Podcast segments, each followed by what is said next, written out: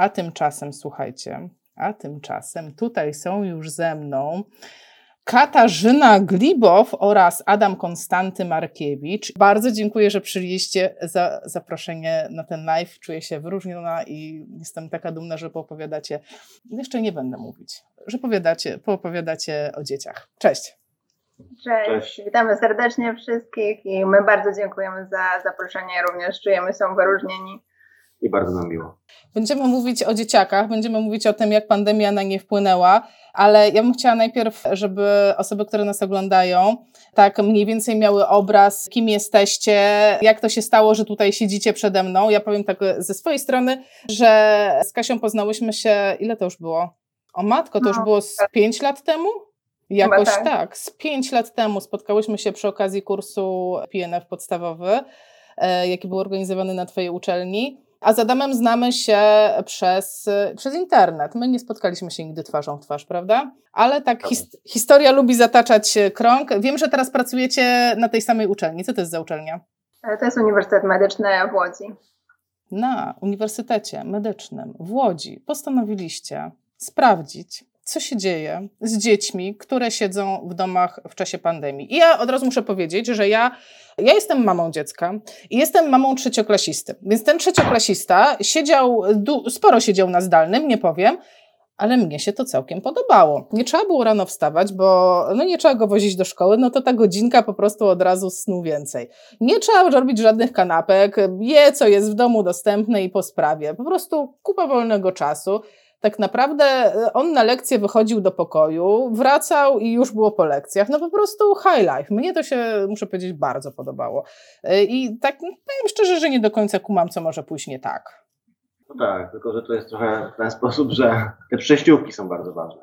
Czyli to wyjście, wyjście z domu, przejście się, nie wiem, klatką schodową do samochodu, z samochodu do szkoły, ze szkoły znaczy do szkoły, w szkole, bieganie na, przerwę. E, bieganie na przerwach, interakcja z, z, z, uczniami, no i zmiany pozycji. Zmiany pozycji, o tym e, ciągle mówimy, że tak naprawdę to jest, to jest klucz e, no, do, do dobrostanu naszego fizycznego. Tak? No i tak naprawdę mówimy tutaj, wspomniałaś o swoim synu, który jest w trzeciej klasie, ale wyobraź sobie, że te dzieci od czwartej klasy już rok e, siedzą w domu z przerwą na wakacje i z miesięcznym tam, czy półtora miesięcznym pobytem w szkole, wtedy wrzesień, październik były w szkole, a teraz już prawie rok są w domu i one siedzą w domu od 8 do 10 godzin, bo tylko wstają, od 8 już mają lekcje, mają czwarte, piąte klasy, czy więcej, to już mają po 6-7 godzin lekcji, później odrabiają lekcje i do tej pory, jak było ciemno, już o godzinie czwartej już nigdy nie wychodziły,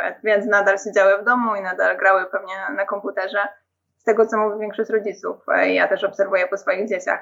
Także Bogu dzięki, że te klasy 1-3 poszły do szkoły i jeszcze całe szczęście, że niektóre dzieci um, uczestniczą w zajęciach sportowych, ale to jest z tego, co badaliśmy, naprawdę garstka dzieci, może 5%, 5 dzieci uczestniczy w zajęciach sportowych. Reszta dzieci cały czas siedzi e, siedzi w domu. No i co poszło nie tak? No i nie tak y, poszło to, że zaczęliśmy obserwować. Ja na co dzień pracuję w Instytucie Centrum Zdrowia Matki Polki w Łodzi, w klinice neurologii rozwojowej. Zaczęliśmy obserwować y, znaczący przyrost dzieci, które zgłaszały się do nas z problemami bólowymi. Z takimi problemami bólowymi oczywiście zgłaszały się wcześniej problemami bólowymi kręgosłupa, barku, kolan. Natomiast y, myślę, że około 30% tak mówię teraz e, z głowy, tych dzieci pojawiało się więcej. No dolegliwości takie jak bóle głowy też znacząco e, częściej zaczęły się pojawiać u nas w klinice. I to Was skłoniło do e, zgłębienia tego problemu? Czy, czy no bo Ty Kasia mówisz, że masz dziecko, które, u którego po prostu to widziałaś, Adam miał takich pacjentów i jak to było, nie wiem, zgadaliście się, no jakby doszukuje się, tak. gdzie, gdzie tą drogę od myśli do realizacji. No tak, tak, rozmawialiśmy, wymienialiśmy swoje y, poglądy, swoje doświadczenia na, na, ten temat i stwierdziliśmy po prostu, że trzeba coś z tym zrobić. E, no a żeby coś z tym zrobić, nie możemy tak po prostu zacząć od razu od jakiejś gimnastyki, dopóki nie, nie no, zrobimy to była, to była, Nie, to była mega ciekawa, mega ciekawa rozmowa, jak tutaj rozmawialiśmy na przełomie roku, mhm. przy, tak, na grudzień, październik mhm. i spotkaliśmy się, mówię, słuchaj, no jest pandemia, tak? Co uważasz, co moglibyśmy czemu się przyjrzeć. No i od razu się nasunęła na myśl to, że, no, że szkoła zdalna. Jak szkoła zdalna, no to co z nią związanego? No brak powietrza, brak ruchu, słowo, od słowa do słowa i yy, no i to się pokryło z kliniką, także, także fajnie, ale to była mega ciekawa rozmowa. Na początku myśleliśmy, yy, na początku no, trochę wybiegaliśmy myślami do przodu i myśleliśmy, czy samo przechorowanie yy, mhm. choroby mhm. ma wpływ na, bo, bo obserwujemy takie już odległe następstwa przechorowania wirusa. Też takie ale, Ale czy w jakiś sposób to się przekłada na wydolność fizyczną, czy na, na sprawność fizyczną, czy, czy możemy jakoś to policzyć? E, wiemy, że koledzy kardiolodzy zajmują się badaniem wpływu przechorowania choroby E, na układ sercowo-naczyniowy. A co my możemy zrobić? Co, czemu możemy się przyjrzeć? No, ja mówię, słuchaj, no jest y, u mnie w klinice tak, tak i tak. Takie dzieci się przychodzą. Aha, no to może to. No to może pomyślmy o tym, jak to ubrać, w, jak, jak temu nadać realny kształt. No i...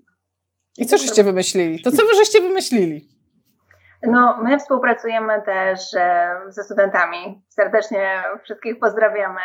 E, I e, postanowiliśmy, że zrobimy to razem, jakiś taki program, bo to też w połączeniu wyszło tak, że studenci też mieli zdalną naukę i też nie mieli żadnych zajęć praktycznych. W zasadzie wszystko było online. Więc stwierdziliśmy, że to będzie taka obopólna korzyść. Oni też czegoś się praktycznego nauczą i to będą takie naprawdę praktyczne, praktyczne zajęcia już z pacjentami. Wrzucenie zostaje na głęboką wodę. Opracowaliśmy e, program e, badania, program diagnostyczny. E, no wydaje mi się, że jest zgodny z, powstał, powstał cały organizm, cały organizm takiej pracującej tkanki, analizującej to, jak pacjent się porusza, jak, jak wygląda. Hmm. No to na, u, nas, u nas to działa, tak? Jest to, myślę, że no też dzięki studentom przede wszystkim, bo ich praca tutaj jest ogromna, ale to no jest... Właśnie, jak, no właśnie, ja tak... Słuchajcie, mnie nie widać, tak się wcinam, e, bo żeby was mówię, poza czym jak się pojawię, to, to Adama ucina. E, dokładnie. Więc, e, więc powiedzmy sobie jasno, żeby tutaj wszyscy, którzy są, a wiem, że są studenci, poczuli się docenieni, wy żeście to zrobili rękami studentów. No, no tak. Y, no to tak. no nie. My po prostu, ja mam takie wrażenie, nie wiem jak studenci, ja bym chciała, żebyśmy po prostu współpracowali. E, piszcie, I piszcie, my, studenci, piszcie. My, my dajemy coś od siebie i też chcemy, chcemy coś, znaczy nie chcemy czegoś dla siebie, tylko chcemy czegoś dla wspólnego dobra małych pacjentów tak naprawdę. E, zebraliśmy, no, ciężko to było, ale staraliśmy się zebrać potrzebny sprzęt, no inklinometr, skodiometr, mamy podoskop, plantokonturograf, no to, takie, to tak naprawdę na naszym, włas, naszym tak. własnym sumptem. Tak, no my musimy tutaj właśnie powiedzieć, że wszystko, tu nie, tu nie mieliśmy do tej pory żadnego dofinansowania. Chcielibyśmy się o dofinansowanie postarać, bo to są kosztowne badania, to jest mnóstwo czasu pochłania. I żeby te, żeby te wyniki były naprawdę miarodajne, to fajnie by było zrobić to na dobrym sprzęcie. E, co więcej, dzwonią do nas rodzice zaniepokojeni z całej Polski tak naprawdę, bo byli już u nas e, rodzice z Gdańska, byli osoby, były osoby z Zielonej Góry.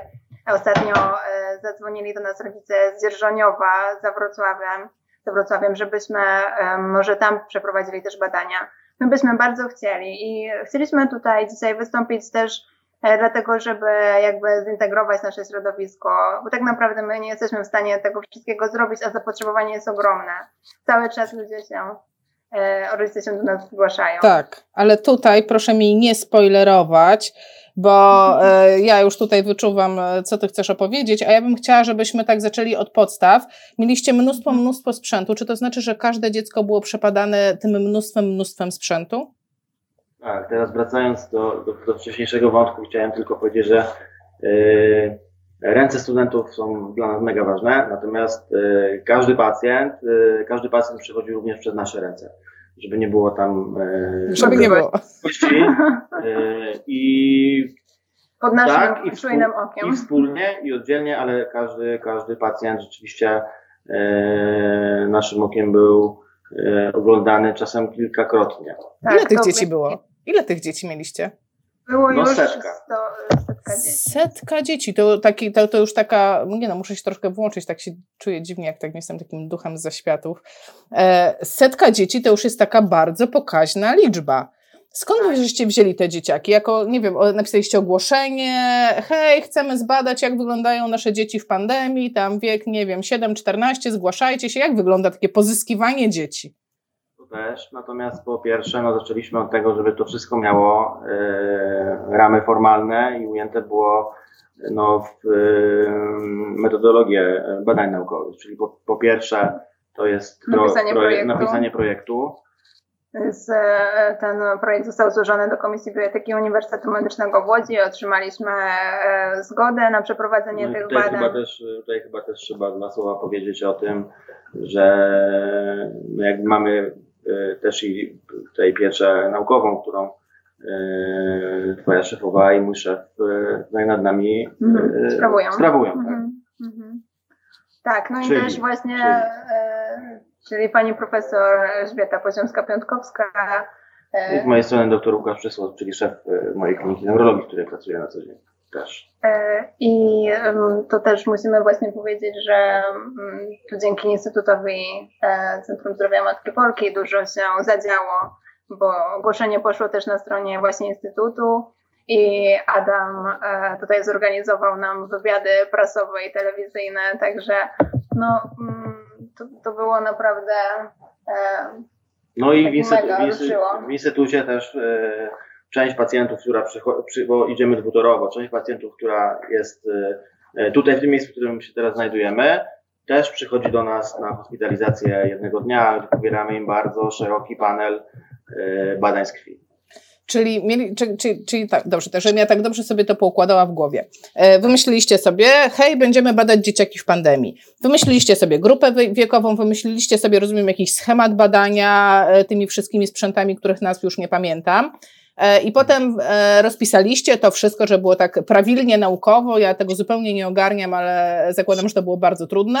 E, Po czym pozyskaliście setkę dzieciaków. Dostaliśmy, potem, dostali, potem wystąpiliśmy o zgodę Komisji Bioetycznej, bo to jest rzecz, bez której zacząć badań nie można i oczywiście od, od, od zgody pacjenta na Wykonanie badania. wykonanie badania, e, podpisaniu odpowiednich, odpowiednich e, arkuszy epidemiologiczno-sanitarnych itd., itd. Także cała ta papierologia trochę czasu zajmuje. Natomiast po otrzymaniu i zaopiniowaniu pozytywnym ze strony Komisji Bioetycznej Uniwersytetu Medycznego w Łodzi, no, w Łodzi mogliśmy Zabrać się do roboty, położyć te ręce na tych dzieciach i te wasze ręce i te studenckie ręce trafiły na dzieci. Ja jestem, przyznam słuchajcie, jestem mega ciekawa, po prostu już nie mogę, już siedzę jak na szpilkach, bym chciała wiedzieć, na przykład jak, bo mój syn totalnie łapie się w tą grupę badaną, to gdybym ja do was się wtedy zgłosiła na to badanie e, z moim Szymonem i przyjechałabym do was, to e, czego on by tam doświadczył? Oprócz tych wszystkich papierów, które ja bym po prostu e, wypełniała ze zgrzytaniem zębów. Jak by to wyglądało? Świadczyłby, a, no tak, słodycze. Czekolady. Zaczniemy, zaczniemy od tych dobrych rzeczy.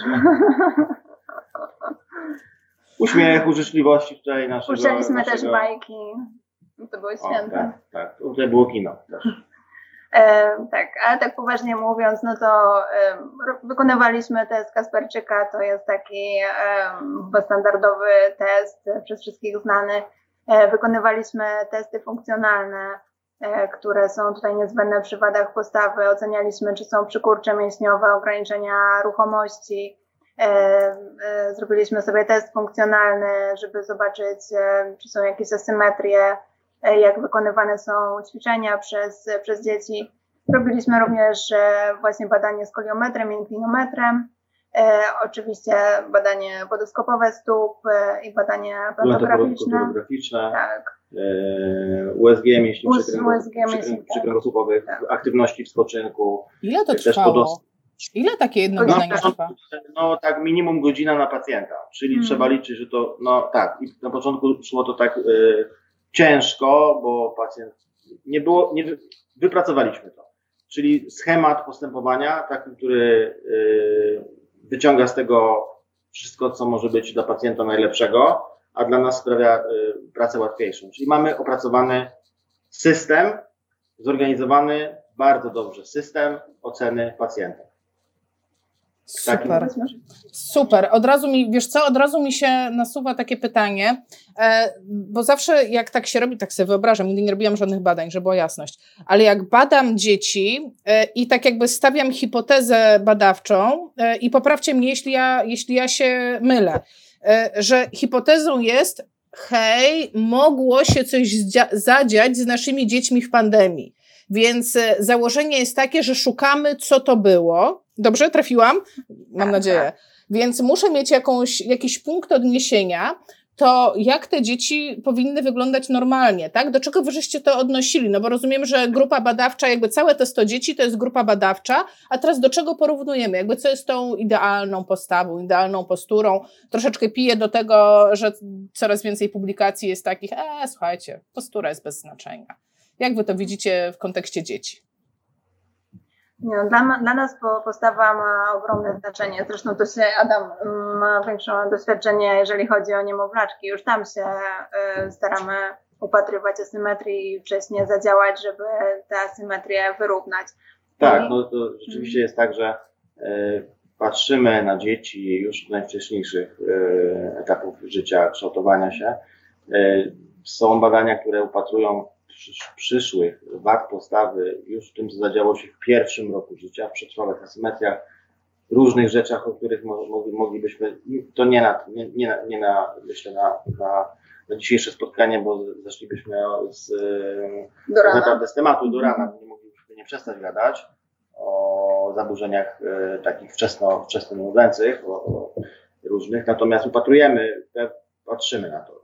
Wiemy, że coś w wywiadzie było, bo każdy nasz, nasz pacjent, oprócz tego, że go badamy, no to oczywiście y, zbieramy z nim wnikliwy wywiad, w którym sięgamy do, do, do, do, najwcześ, do najwcześniejszych e, rzeczy z jego życia, czyli jak wyglądał rozwój w pierwszym roku życia, przebyte, historia przebytych urazów. Badamy, oceniamy, badamy neurologicznie pacjenta, oceniamy wszystko, co mogło mieć wpływ na genezę wady postawy. Wszystko. Uraz, przebyta choroba. Y, y, dlatego też pobieramy cały panel y, mhm. badań, żeby wykluczyć rzeczy, które mogłyby nam no zamazać. Niski poziom witaminy D, wapnia zjonizowanego. To tym też moglibyśmy gadać mhm. mnóstwo. To te, te, badania, bardzo szeroki panel tam u nas w klinice e, pobieramy. Natomiast no, mhm, tak. też, no, też chciałabym zaznaczyć, że z drugiej strony też nie jesteśmy takimi perfekcjonistami, że uważamy, że każdy powinien być symetryczny i oczywiście też nie powinien być, bo e, no, samo ułożenie naszych narządów wewnętrznych po prostu predysponuje do tego, że mamy asymetrycznie rozłożony ciężar ciała e, i możliwe, że, że jakieś asymetrie są po prostu, mieszczą się w granicach normy. E, natomiast no, trzeba tutaj powiedzieć, że takie predyspozycje, a później utrwalone jeszcze tym brakiem ruchu i cały czas przyjmowaniem nawykowych pozycji, nawykowych, e, e, niesymetrycznych pozycji, może się później e, zamienić w wady strukturalne. E, no a to znaczy, może później oddziaływać na funkcjonowanie narządów wewnętrznych. No my wszyscy doskonale o tym wiemy, także upośledzony układ oddechowy, funkcjonowanie serca, układu krążenia, problemy z trawieniem e, e, i jeżeli chodzi o narząd ruchu, no to szybsze zużywanie się stawów i powstawanie zmian zwyrodnieniowych dużo wcześniej niż, niż to powinno nastąpić właśnie w wyniku asymetrii. Także no myślę, że tutaj trzeba szybko zadziałać i jakoś tak odwrócić wiem, do teraz czego, ten proces. Wiem, do, znaczy, okej, okay, dobra, to Ciebie rozumiem, a wiem, do czego też ja się zmierzam. Czy mamy wiedzę na temat tego, jak to było przed pandemią? Tak? Czy, czy mamy grupę no więc y, no my nie prowadziliśmy takiego, takiego badania przed pandemią, zrobiliśmy to teraz, także... Ale jest dużo y, takich badań. Jest dużo takich badań, natomiast no ciężko byłoby je też y, chyba porównać, tak mi się wydaje. No już mając dzieci, które są, no to, co chcemy zrobić, to jeszcze raz, po pierwsze, jeszcze raz, te dzieci, które już do nas trafiły, one nie zostały oczywiście bez y, instruktażu, bez, y, bez opieki. Te, które musiały mieć włączoną rehabilitację, mają ją prowadzoną. E, te, które obserwujemy, dostały instruktaż i wszystkie te dzieci jeszcze raz przebadamy w drugim, e, w drugim etapie hmm. badań. po otwarciu. Słuchajcie, e, ja, ja, mam takie pytanie, bo mi się nasuwa z tego, co mówicie, taki obraz, że e, mieliście te dzieciaki i po kolei one były badane. E, coś takiego, Kasiu, powiedziałaś na samym początku, że dzwonią do Was rodzice z całej Polski i ja tak patrzę troszeczkę z pozycji rodzica, że jak ja bym poszła na takie badanie, dziecko byłoby przebadane po prostu we wszystkie strony, to co takiego Wam wychodziło w tych pojedynczych badaniach, że no teraz e, mówicie, że tak, e, część dzieci musiała trafić na rehabilitację, część musiała dostać instruktora, czy rodzice dzwonią. Co tam takiego powychodziło u tych, no na razie mówię pojedynczych dzieciaków, bo z tego co mówiliście, to jakby całość się jeszcze liczy, jeszcze obliczenia statystyczne są w toku, tak? Ja mam, utkwiło mi, utkwiłem, utkwiło mi w głowie kilka takich osób. Jedna to była na przykład dziewczynka, e, u której, no, która jak, jak się rozebrała, miała na pierwszy rzut oka widoczną skoliozę z asymetrią klatki piersiowej. No ale to, to była ogromna asymetria. I rodzice powiedzieli, że byli w wakacje nad morzem, rozbierali się do strojów kąpielowych i oni tego nie widzieli w wakacje. To się zadziało e, przez 3-4 miesiące. To byli rodzice no tak, wykształceni trzeba... na poziomie, także tutaj na pewno żadne zaniedbanie nie wchodziło w grę, tego po prostu nie było widać to się stało tak szybko, bo te dzieci są w skoku rozwojowym. One potrzebują mieć ruchu. Mam ciarki. Słuchajcie, mam ciarki. Normalnie mam ciarki. Jako mama jedenastolatka mam ciarki.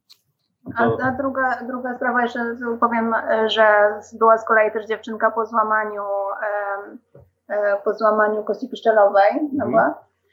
I no, jeżeli chodzi o dzieci, to po złamaniu już powinna akurat moja pacjentka. Tak, i, około trzech e... miesięcy, ona powinna już odzyskać e, w miarę sprawność. A przez to, że właśnie nie miała żadnego ruchu, e, nabrała, nabrała na wadze i ten wzrost poszedł zupełnie nieprawidłowym kierunku i do tej pory męczy się i jakby... No to nie tylko samo, to, samo złamanie, ale hmm. wiemy, że wada postawy skrada się bardzo podstępnie i cicho. E, I wypala wtedy y, bomba atomowa po 3-4 miesiącach jest zupełnie inny obraz człowieka. Kiedy jeszcze możemy wpłynąć, zmiana jest czynnościowa, możemy ją zmienić, ale po przekroczeniu pewnego progu nie jesteśmy w stanie jakby już zmienić, zmienić kierunku, w którym, w którym y, wada postawy zmierza. I tak jak tutaj właśnie y, ta moja pacjentka, znaczy moja pacjentka, była wcześniejsza moja pacjentka, przyszli po, po jakimś czasie od złamania nogi E, mój kolega mówi, słuchaj, zobacz, e, co tu się dzieje. Ja mówię, słuchaj, dokładnie przy, przypatrzy, przypatrzyliśmy e, młodą. Ja mówię, okej, okay, mówię, mówię, noga to jest jedno, ale drugie to jest, mówię, zobacz, co się dzieje w tym momencie już z kręgosłupem, z miednicy. Szybko trzeba działać. I, i po, po wypracowaniu naszych standardów postępowania yy, wiemy, co zrobić, żeby taka sytuacja u Twojego, u mojego, u Kasi dziecka yy, nie wystąpiła. Żeby złapać to w porę. To muszą być dosyć regularne oceny yy, dzieci, yy, być może na, na poziomie systemowym. To, tak, byśmy, tak byśmy, tak, to, tak, tak byśmy to widzieli. Tak myślimy, bo tak naprawdę przychodzili do nas rodzice świadomi, którzy no, którzy szukali tych informacji, dzięki temu nas znaleźli, ale musimy sobie powiedzieć, że to jest też tylko niewielka część wszystkich rodziców i są też tacy rodzice, którzy po prostu nie mają wiedzy na ten temat e, i to my musimy do nich wyjść, musimy ich uświadomić, że to jest bardzo ważne, e, powiedzieć, że to nie jest tylko defekt kosmetyczny, ale ma też wpływ na zdrowie przyszłe ich dzieci.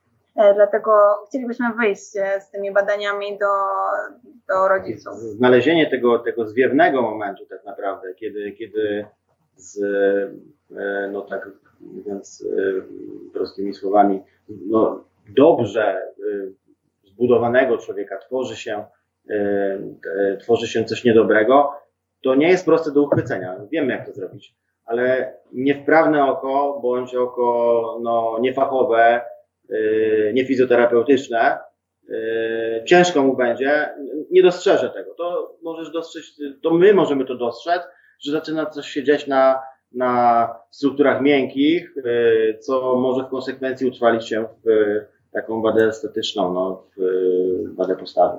A czy wy już macie taki wynik, taki chociażby procentowy, ogólny, ile z tej setki dzieci to były dzieci, które wymagały interwencji w kontekście, rozumiem, że albo wada postawy, albo skolioza, tak? No bo o, te, o tego rodzaju rzeczach mówimy. E, wie, wiemy mniej więcej, ile to było? Pi razy drzwi. Przygo przygotowaliśmy się na taką ewentualność, jasne. Więc y, jeżeli chodzi o, jeżeli chodzi o badanie, y, no powiedzmy kształt, kształt hipozy piersiowej, to wyobraźcie sobie, że bo mamy to mamy, tak, mamy podział na płeć, ale nie, nie, jeszcze nie, nie, nie ten moment, żeby, żeby mówić o tym tak dokładnie, bo to jeszcze wymaga dokładniejszych analiz. Natomiast od 90 do 100% dzieci miało pogłębioną krwówkę piersiową, czyli już taką, czyli. Yy, natomiast w badaniu z koliometrem od 15 do 30% to już były dzieci, które miały yy, tam rotację powyżej. Powyżej 3 stopni. Tak. A powiedzcie mi, jak to jest. Um, w porównaniu do populacji takiej normalnej, normalnej w cudzysłowie, takiej niepandemicznej populacji dzieci. E, ja pamiętam takie badania, w których było mm, powiedziane jakieś tam E, teraz, żebym dobrze to zacytowała, też się nie przygotowałam, e, że w sumie to jest normalne, że na przykład dziewczynki mają więcej kifozy niż chłopcy, że do pewnego stopnia ta kifoza nie jest jakimś problemem. Ja rozumiem, że wy mówicie o, jakby nie mówimy o tym zakresie, w którym nie ma z problemu, nie przejmujemy się, jest to fizjologia, jeden ma więcej, drugi ma mniej. Jesteśmy w tych stopniach, które nam mówią, jesteśmy zaniepokojeni które są alarmującymi. Tak, to już jest jakby te wartości z inklinometru, to już są podane ponad normę, to co, to co jest w normach, także to już są ponadnormatywne. I to są rzeczy, które mogą się, mogą się utrwalić, i, ale podaję tylko tak kilka mam wypisanych, tak jak na przykład kąt nachylenia kości krzyżowej, e, prawie 100% dzieci, od też od między 90 a 100% dzieci e, miało te wartości nieprawidłowe, czyli takie ewidentnie które mo mogą, mogą, e, czyli, przodo, czyli tak, przodopochylenie, czyli które, takie, które mogą, e, mogą e, być spowodowane e, długotrwałym siedzeniem i brakiem zmiany pozycji. E, korelujemy to teraz e, z czasem spędzonym przed e, w pozycji siedzącej przed, e, przed komputerem. Tak średnio ci nasi pacjenci, którzy do nas przychodzili, spędzali od 8 do 10 godzin dziennie w pozycji siedzącej. Wow. Agata pyta, w jakim wieku były dzieci? 7-14. 7-14 lat. Czyli ogólnie wyszło Wam, że prawie wszyscy mają jakiś problem i podkreślmy to, bo dla mnie to jest niesłychanie ważne, że czym innym jest różnorodność w budowie ciała i mamy prawo być różnorodni, asymetryczni do jakiegoś stopnia, jest to fizjologia, ale tutaj już mówimy o wartościach, które przekraczają te fizjologiczne różnice, tak? Czyli mamy e, zwiększoną kifaz, kifozę, rozumiem, że pewnie też powiększona lordoza, skoro to przodopochylenie jest większe i generalnie jesteśmy zaniepokojeni e, stanem tych dzieci. E, dawaliście, wspomnieliście, że dawaliście jakieś rekomendacje dla rodziców. Co to były za rekomendacje? No bo rozumiem, że macie setkę dzieci, 90 z nich wymaga jakiejś interwencji, no to jak, jak żeście to ogarnęli? Dawaliśmy e, rekomendacje, jak powinno wyglądać prawidłowe stanowisko do pracy przy, podczas lekcji. E, również e, jak dużo czasu dzieci powinny spędzać na aktywności fizycznej według Światowej Organizacji Zdrowia, to przynajmniej godzina dziennie. No tak, właśnie, o takie ciekawe pytanie. Jedna godzina dziennie, 7 dni, 7 dni w tygodniu, to są rekomendacje WHO dotyczące aktywności fizycznej i o tam o średnim i umiarkowanym e, nasileniu dla dzieci z naszej badanej grup, w którym kraju w Europie yy, yy, się to realizuje. Systemowo, systemowo. Systemowo to ja nie, znaczy ja nie wiem jak w Europie, no w Polsce to nie. Godzina dziennie? Nie, nie, nie. Systemowo nie. Może być pytanie na czat. To, to, to, to które państwo. To będzie najbliżej. To będzie najbliżej. Które państwo w Europie to rzeczywiście realizuje? Ja strzelam, że Szwecja. Ja strzelam, że Szwecja. O, blisko, Blisko byłam? Norwegia. Tak, Norwegia. Nie dziwi mnie. No, to. Norwegia już takie. A moglibyśmy to, a moglibyśmy to robić spokojnie u nas. Hmm. Tylko troszkę inaczej. No dobra, e, więc dawaliście im rekomendacje, e, no bo tak, ma, mamy kilka problemów, tak? Po pierwsze, że się nie ruszają, no bo siedzą przed komputerem, nie bardzo mają możliwość się ruszać.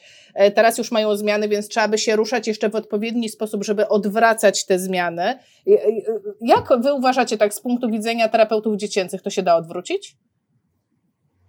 E, myślimy, że to się da odwrócić, tylko trzeba zadziałać intensywnie, ale tak naprawdę intensywnie kilka razy w tygodniu przez przynajmniej trzy miesiące popracować e, z tymi dziećmi. A w wielu, a w wielu przypadkach tych dzieci, które u nas były, odwrócić się już nie da. Są też takie, takie osoby, ale, ale na pewno musimy zacząć działać, bo jeżeli nic nie zrobimy, no to będzie tylko postępowało jeszcze bardziej. Większość dzieci, tych, które przyszły, no jednak y, no, zakładając ten najczarniejszy scenariusz, y, no to będą, w, będą za, jeżeli w tym kierunku będziemy zmierzać, tak, czyli, y, czyli złym kierunku, tak, no to za 20-30 lat będą pacjenci terapeutów dorosłych, tak, czy, czy będą pacjentami, którzy obciążą NFZ, tak. No to co zrobić? Jak żyć? Jak żyć, kochani? No jak żyć?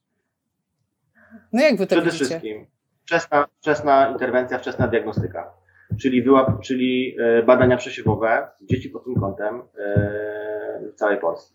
No, tak, jeżeli już nadszedł odpowiedni moment, to właśnie chcielibyśmy zachęcić do e, nas wszystkich, mm, żebyśmy jakoś razem się zintegrowali i i zadziałali, bo trzeba działać w każdym tak naprawdę mie mieście, najlepiej jeszcze kilka ośrodków w mieście, żeby było, e, żeby po prostu wyjść do rodziców, zaproponować te badania i zaproponować też gimnastykę. No oczywiście my tutaj będziemy się starać, żeby otworzyć Chcieliby, żeby, Chcielibyśmy, żeby to był taki naprawdę narodowy e, program e, walki z wadami postawy, tak? I tak to bo, byśmy widzieli. Tak, bo, to, to muszą być oczywiście bo... bezpłatne jakieś zajęcia dla rodziców, żeby byli w stanie trzy razy w tygodniu poświęcać e, czas e, i żeby dzieci mogły ćwiczyć. E, my byśmy proponowali, żeby do szkół wróciła gimnastyka korekcyjna. No mamy ten know-how, tak? Jak to mhm. zrobić i, i od co. Mm. E, żeby po prostu wszystkie dzieci mogły w tej gimnastyce uczestniczyć, żeby to nie było tak, że one muszą jeszcze po lekcjach gdzieś jechać, e, tylko żeby po prostu miały wszystko na miejscu w trakcie lekcji i żeby tym się zajmował wyspecjalizowany fizjoterapeuta. Czyli takie, czyli idealnie by było, no bo teraz pamiętajmy, że te dzieciaki wciąż siedzą na zdalnym, tak? Na ten moment, no to większość z nich po prostu została E, została w szko- e, przed, przed, przepraszam, przed komputerami, nie, nie wróciła do szkoły. E, więc tak myślę sobie, no bo założę, że, założę się, że oglądają nas fizjoterapeuci, ale też tak sobie trochę myślę, że pewnie też oglądają nas rodzice. To co mogą zrobić na przykład rodzice, żeby chociażby w jakikolwiek sposób sprawdzić, czy ich dziecka nie spotkało to, o czym mówicie. No bo można mieć też takie przypuszczenia, że ok, skoro był program, on był firmowany przez e, Akademię Medyczną czy przez Uniwersytet, tak, było to nagłaśnianie, to więc zgłaszały się osoby, które mogły mieć już jakieś wątpliwości, tak? E, no a teraz przecież takich osób może być więcej, one mogą być zupełnie z jakichś zupełnie innych e, e, miejsc w Polsce. To co taki rodzic może zrobić tu i teraz, żeby chociażby dowiedzieć się, czy jego dziecko jest zagrożone, czy nie? Macie jakiś pomysł na to? pierwsze zapraszamy serdecznie do nas, bo nie, nikomu nie robimy pomocy i bardzo chętnie się pomożemy. Natomiast y, no, rozwiązanie widzielibyśmy w postaci jakby skopiowania e, dokładnie tego samego, co robimy, co, robi, co zrobiliśmy tutaj w innych ośrodkach, które, które chciałyby współpracować. A jakby jakieś ośrodki chciały współpracować, załóżmy, e, oglądają nas nawet jakieś prywatne praktyki fizjoterapeutyczne, E, zostawimy pod live'em może maile do Was, to albo jakiś namiar na Was, to chyba byłoby e, takie fajne, żeby można było sobie w to kliknąć. Ale tak sobie myślę, e, załóżmy, że ja prowadziłabym teraz prywatną praktykę fizjoterapeutyczną i pomyślałam sobie, kurczę, większość tych sprzętów, o których oni mówią, mam już u siebie. Chętnie bym przyjęła kilka dzieciaków na takie badania, nie wiem, w tygodniu, kilkoro dzieci, tak? No bo nie mówimy o jakichś setkach w jednym gabinecie, tylko o kilkorgu dzieci na rejon. E, to jak wy to widzicie? czy chcielibyśmy, znaczy super, bardzo chętnie, tak, bo po pierwsze chcielibyśmy, żeby y, to badanie było dla pacjenta bezpłatne, tak? I też jest jakby naszą ambicją jest to, żeby te dzieci, które u nas były, to, to cały czas mi to chodzi po głowie. One, jeżeli będą wymagały tego, a większość będzie wymagała, żeby miała darmową rehabilitację. Tego chcemy. Bo Więc... uważamy, że jeżeli to będzie płatna rehabilitacja, to na pewno rodzice nie będzie stać na to, żeby kontynuować no, to jest, ją to tak jest, tak, często jest, i tak y, długo, jak yy, dziecko tego wymaga. Więc... Niezależnie, niezależnie czy warszawskie, czy łódzkie, czy jakiekolwiek inne stawki, to one są yy, jakie są. Natomiast yy, jeżeli ta rehabilitacja ma być no, 4-5 razy systematyczna i długotrwała w tygodniu, no to, to, jest to jest to znacząca kwota dla rodzica to wyszukacie do współpracy tak naprawdę y, głównie nie małych gabinetów, tylko ośrodków, które mają kontrakt z NFZ-em. No bo to by było najlepsze, tak? Tak. Słuchajcie, jak tutaj oglądacie nas, no to to jest pomysł do szefowej, do szefa zanieść, a może wy jesteście szefami, skontaktować się, współpraca z, e, z środowiskiem akademickim, prestiż, no ja myślę, że same plusy. I rozumiem, że nie jest to jakieś szczególnie trudne do wdrożenia. Jak ja bym do was przyszła i powiedziała, słuchajcie, ja nigdy nie badałam dziecka, nauczycie mnie tego waszego protokołu, to byście mnie nauczyli, czy nie? No, oczywiście, że tak. Swoim doświadczeniem i wiedzą myślę, żebyś bardzo szybko zobaczyła o co chodzi. E, chodzi mi o to, że to, że, że to nie jest wiedza tajemna, tak? To nie jest coś. E, Wszystko, co mieliśmy, wszyscy mieliśmy to na studiach tak naprawdę i to są podstawy, i teraz bardzo, bardzo jest łatwo zaobserwować, że coś jest nie tak. No, podstawy, podstawy, ale wymaga, to wymaga jednak pewnego doświadczenia. No, no tak, tak, e, ale. Ale no, tutaj mówimy już o fizjoterapeutach, którzy mają wiedzę i doświadczenie, także no myślę, ja, że... Ja też mówię o fizjoterapeutach. Tutaj przeczytam, przeczytam Wam komentarze. Jagodę pisze, już coś kombinuję w tym temacie, bo ten temat za mną chodzi od kilku tygodni. Za to Ola tutaj e, taki bardzo fajny, śmiały postulat. List do ministra edukacji narodowej o zmiany w programie lekcji WF poparty podpisami specjalistów będzie dobrym krokiem. Wy uważacie, że fizjoterapeuta powinien w szkole pracować tak na etacie, tak jak kiedyś była pielęgniarka? Tylko fizjoterapeuta. Myślę, Jeżeli chodzi o gimnastykę korekcyjną, Jeżeli tak? Chodzi o gimnastykę korekcyjną, to tak. może by to być tylko fizjoterapeuta. Tak, tak. I jakby wydaje mi się, że to jest odpowiednia, najodpowiedniejsza osoba do tego. Hmm. Jedyna.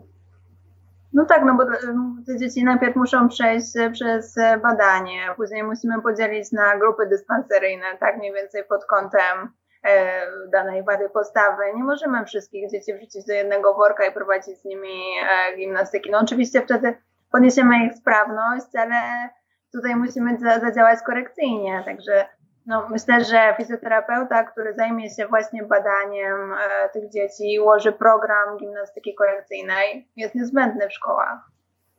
E, tak się śmieję, śmieję się, e, rozśmieszałam Cię Kasiu, bo e, jak Ty mówisz, że trzeba by po, podzielić na grupy dyspanseryjne, czyli rozumiem takie grupy, Ty to masz pogłębioną, a Ty to masz zmniejszoną kifozę, tak? To, to, to, to są grupy. I mnie się przypomniało, jak ja chodziłam na korektywę w podstawówce i wszyscy na tych materacach z tymi kijeczkami, żeśmy ćwiczyli to samo. I powiem szczerze, ja przestałam chodzić. Mhm. Ale kiedyś była ta gimnastyka korekcyjna, tak. a teraz nie wiem, jak e, u nas, u nas nie ma czegoś takiego. U nas nie ma i, tak naprawdę jasne, badanie postawy nie ma. Nauka idzie do przodu, wiemy dużo więcej, dużo więcej wiemy o technikach, o, o medycyna medycyna w tej materii też poszła do przodu. Więc y, myślę, że ta gimnastyka korekcyjna XXI wieku, którą, którą wiemy jak prowadzić, wiemy, wiemy jak nauczyć innych fizjoterapeutów, jak ją prowadzić, no zresztą robimy szkolenie z WAD. Natomiast wiemy jak to poprowadzić i ona już troszeczkę inaczej wygląda jak z tym klikiem do góry do dołu. Uf, to, to, to jest ulga. Powiem szczerze, to jest ulga, bo ja właśnie takie mam wspomnienie i takie mam wyobrażenie gimnastyki korekcyjnej. Czyli słuchajcie, jakbyśmy tak mogli po, e, podsumować, takie, takie postulaty, co my chcemy w ogóle od, e, od tych ludzi, od tego państwa polskiego, e, jakie, co, co wy byście chcieli? Ja na przykład chciała, żeby mój syn miał godzinę dziennie zajęć systemowo e, jakichś, e, jakichś ruchowych. To by było wow, to by było w ogóle super. Ja myślę, że to jest w ogóle podstawa. No ale to ja myślę. A jakie są Wasze y, takie postulaty? My podpisujemy się pod Twoim postulatem. E, dodatkowo jeszcze naszym marzeniem jest to, żeby każde dziecko teraz w wieku szkolnym zostało przebadane przez fizjoterapeuta właśnie w kierunku wad postawy. Tak, takim marzeniem byłoby, bo naprawdę też sprzęty, które może, można, które są w, w, do użytku, które można byłoby użyć, są magiczne rzeczy teraz ale i, i to też yy, strasznie się jaramy, jak, jak, czytamy o tym, co można kupić i zrobić po prostu niesamowitą, no, fajną diagnostykę.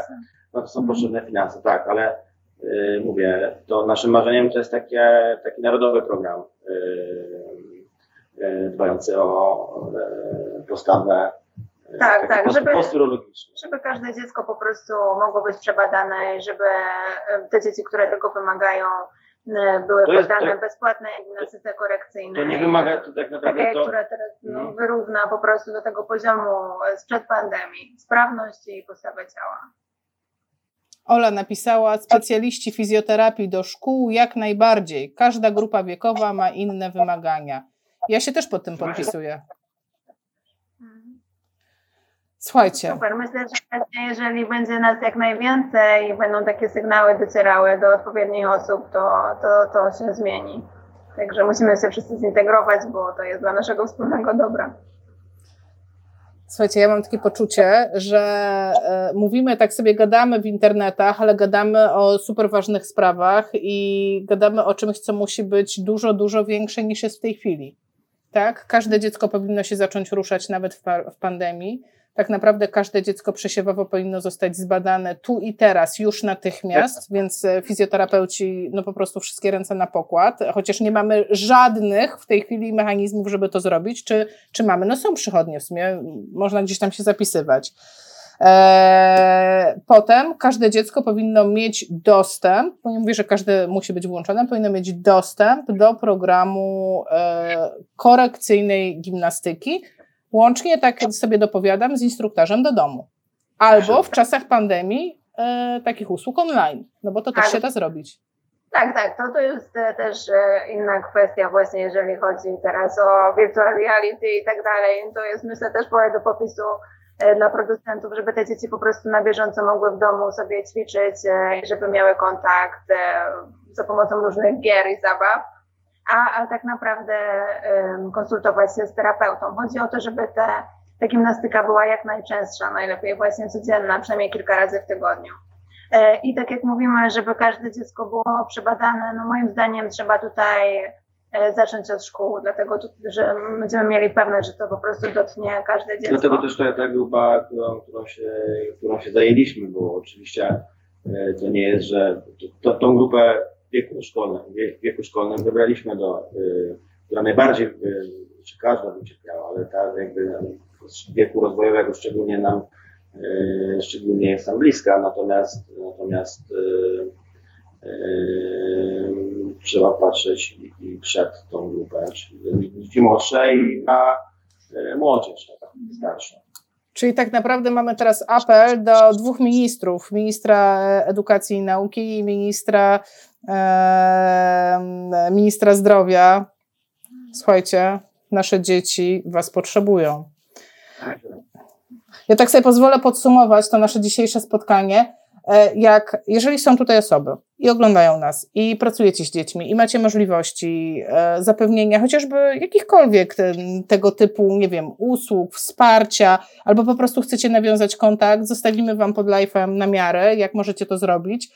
E, I jak to się mówi tak ładnie, nawet największa i najdłuższa i najbardziej mm, spektakularna podróż zaczyna się od pierwszego kroku, a wyżeście ten krok już zrobili. Mamy nadzieję i mamy nadzieję, że, że naprawdę nam się uda dla dobra naszych dzieci. Super.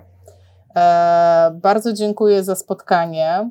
E, czy chcecie jeszcze w jakiś sposób e, zakończyć coś jeszcze e, jest na rzeczy, co chcielibyście, żeby wybrzmiało? To teraz jest dobry moment. Z mojej strony czuję się zaszczycona, że zdecydowaliście się opowiedzieć o tym projekcie na fizjopozytywnych.